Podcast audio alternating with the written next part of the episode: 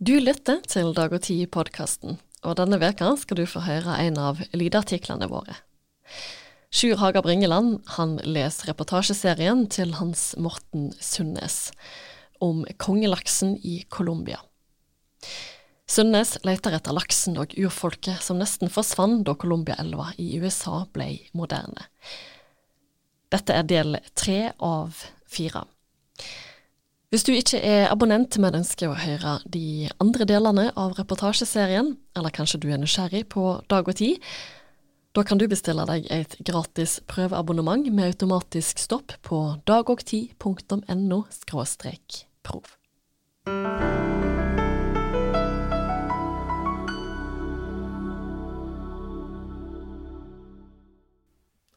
Suse av Silio. Wakenash det må være laksen. Flere hundre hender griper det rosa stykket på det hvite fatet. Vi sitter i en druknad landsby nær en foss som ikke finst, og ved det som var verdens viktigste lakseelv. Så mye har gått gale med Colombiaelva og fisken der. Nå må vi gjøre alt rett. Du lytter til tredje del i en artikkelserie på fire, skriven av Hans Morten Sundnes. Sundnes er forfatter og journalist i bladet Norsk Fiskerinæring, men her i Dag og Tid skriver han for egen regning. Det er Sjur Haga Bringeland som leser. Celio Inn i The Dells er en god plass å våkne for en Colombia-elvefarer. Den enkle frukosten er i samme rom som resepsjonen, og en kan ete det kokte egget, frokostblandinga og muffinsen medan en ser ned på elvebyen og storelva. Spectacular views of the Columbia River Gorge, skryter de. Motellet har navn etter fossen eller landsbyen kjente som Celio. Jeg ser verken foss eller landsby, men på kafébordet ligger ei bok av fotografen Edward S. Curtis. Mellom 1900 og 1930 fotograferte han over 70 nordamerikanske stammer. Chinook-kvinner vever korger nær Silio-fallet. Ei Wishram-bestemor tilverka laks ved elvebredda. Ei gruppe rotgravere fra Jekama-stammen har slått leir. Curtis-bilder utfyller bilder jeg har sett av selve fossen og tradisjonsfisket der. Mørke fiskerkropper og redskaper i silhuett mot hvitt skum. Og samtalen med Karen Jim Whitford. Hun var bare fem år i 1957, men er høvdingdotter, er av elvefolket og har sterke minner. Karen forteller. Vi var jo små og måtte holde oss i bilen for at vi ikke skulle falle i fossen. Men bestemor hadde tørkeskur der hun tørka 200–500 laks som vi bytta mot bær og alt mulig. Og så åt vi jo laks sjøl. Vi klarte oss bra. Da jeg vender tilbake til egget, muffinsen og vindauget mot dalen, er det helt andre syn å se. Elva er jo der, 30 mil unna utløpet i vest er det som om bur seg på å avlevere de veldige vassmassene til Stillehavet. Men mye av den oppskrytte elveutsikta dreier seg om The Dells Dam, en brei, gråbrun festning som gir vann til vatt, og som gjorde ei livsform om til svart-hvitt minne. Et av de sterkeste minnene fra Celio på 1950-tallet heter Tommy Cooney Thompson. Han var høvding for det fosselaksefiskende Wyam-folket der, hadde ansvar for lakseseremonien og for at fossefisket gikk rett for seg.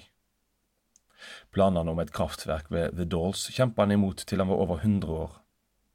Under kraftverksåpninga i 1957 skåna de Thompson for å se de brutale følgene av nederlaget.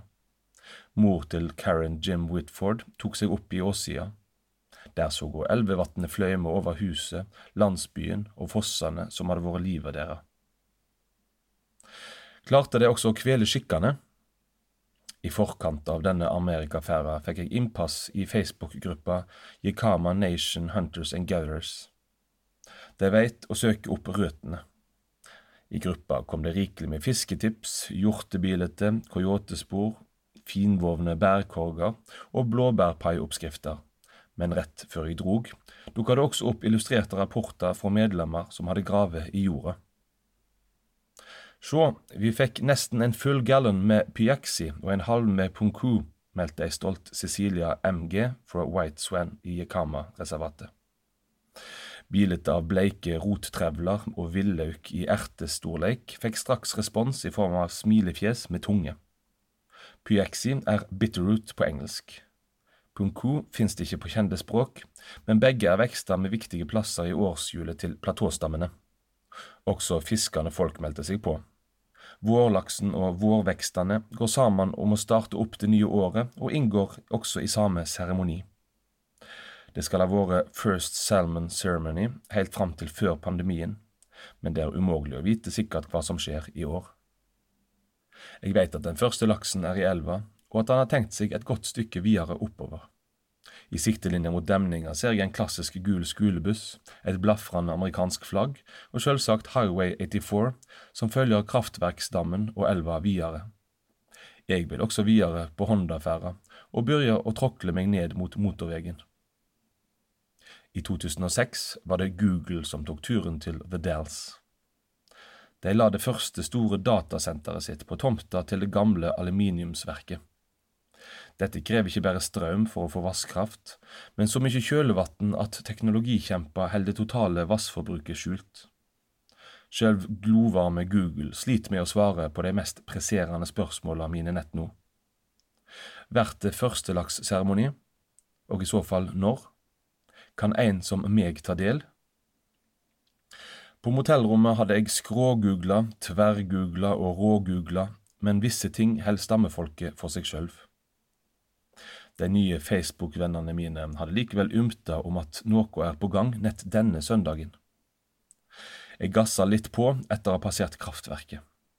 Når en følger Highway 84 langs menneskeskapte Lake Celio, er det ikke lett å skjønne når en fikk forbi den sovende fossen, men ved skiltet til nye Celio Village er det på tide å gire ned.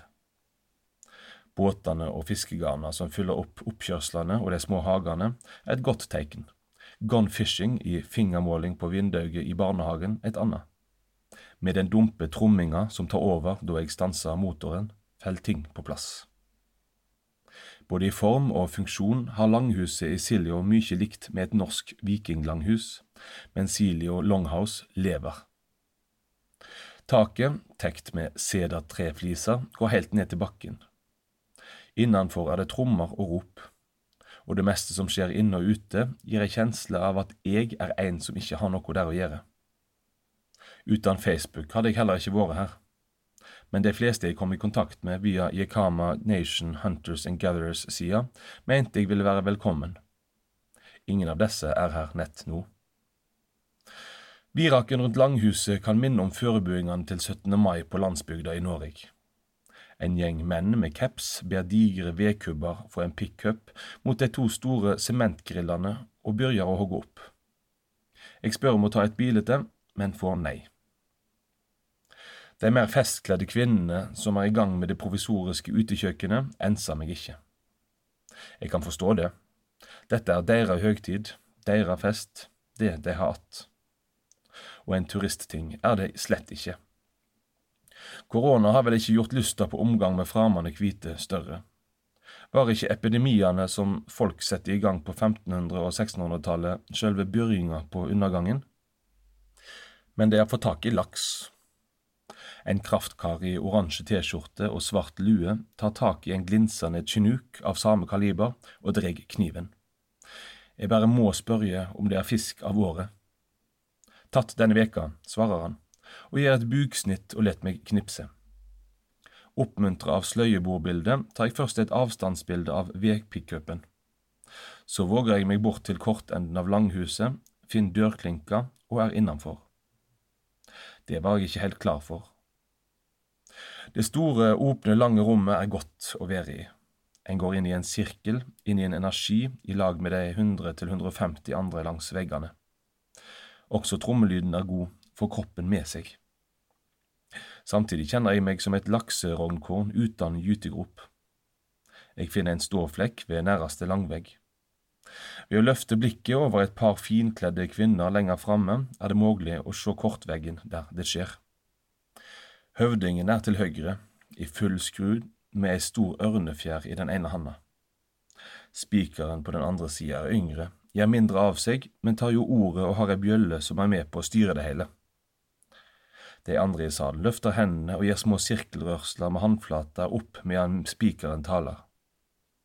De svarer også, og det hele går opp i et slags crescendo før høvdingen senker fjøra. Resten senker hendene med håndflata ned, medan et mykt wow fra alle stilner det hele. Jeg kunne ikke ha vært stillere.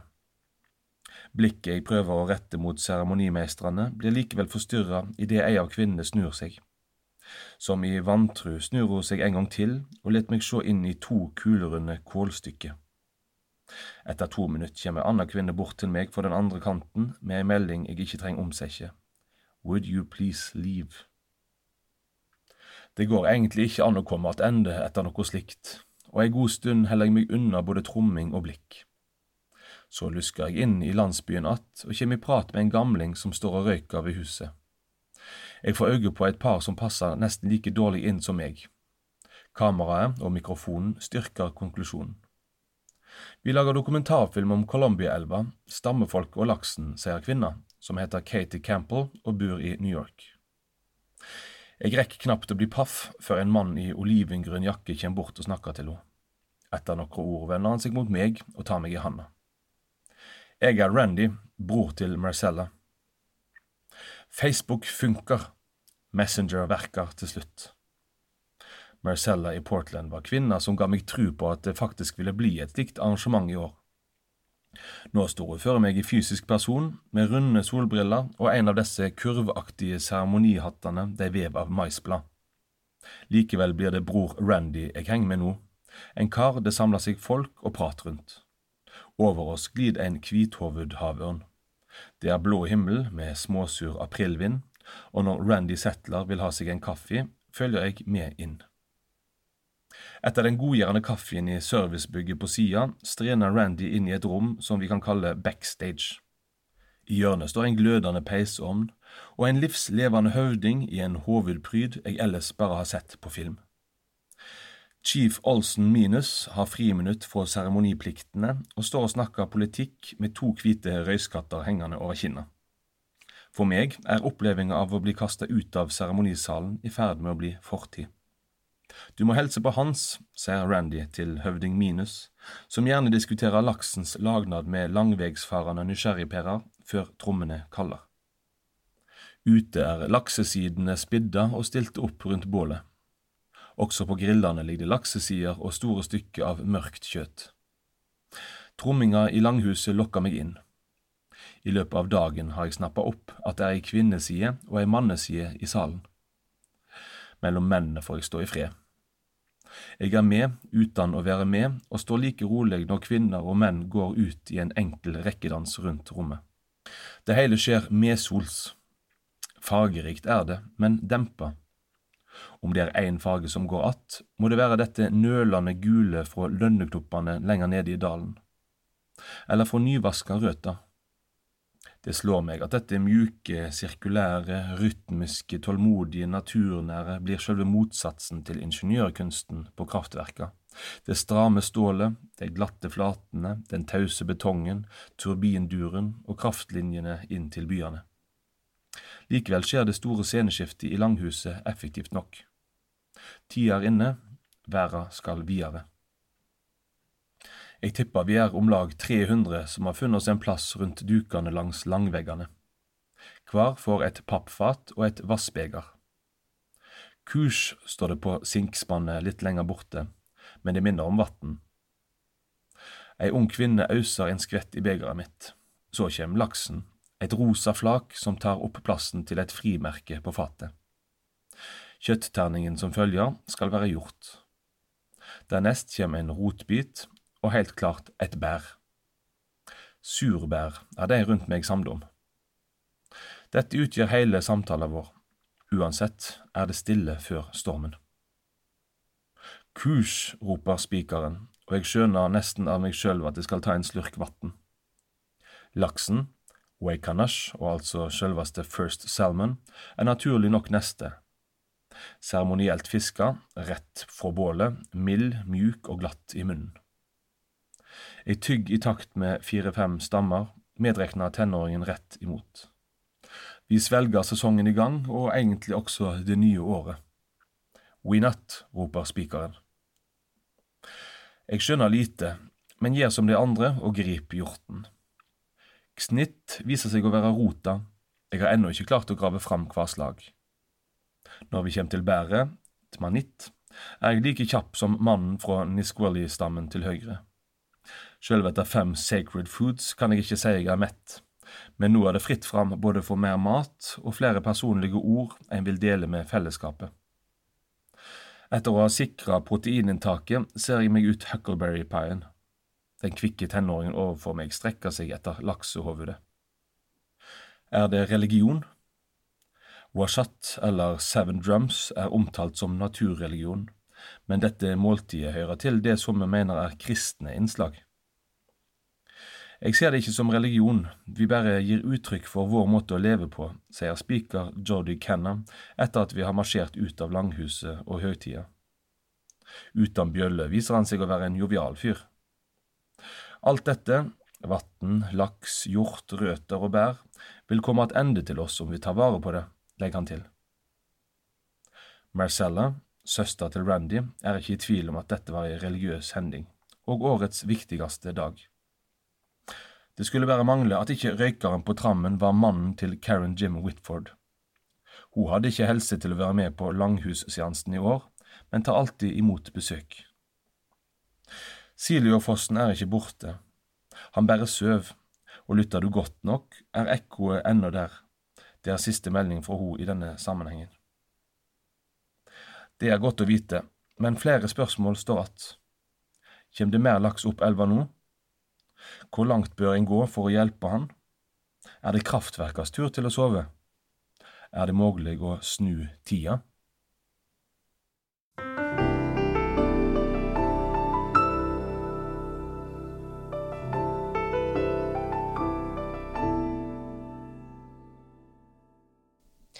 Du lytter til Dag og Tid-podkasten. Vil du høre flere lydartikler?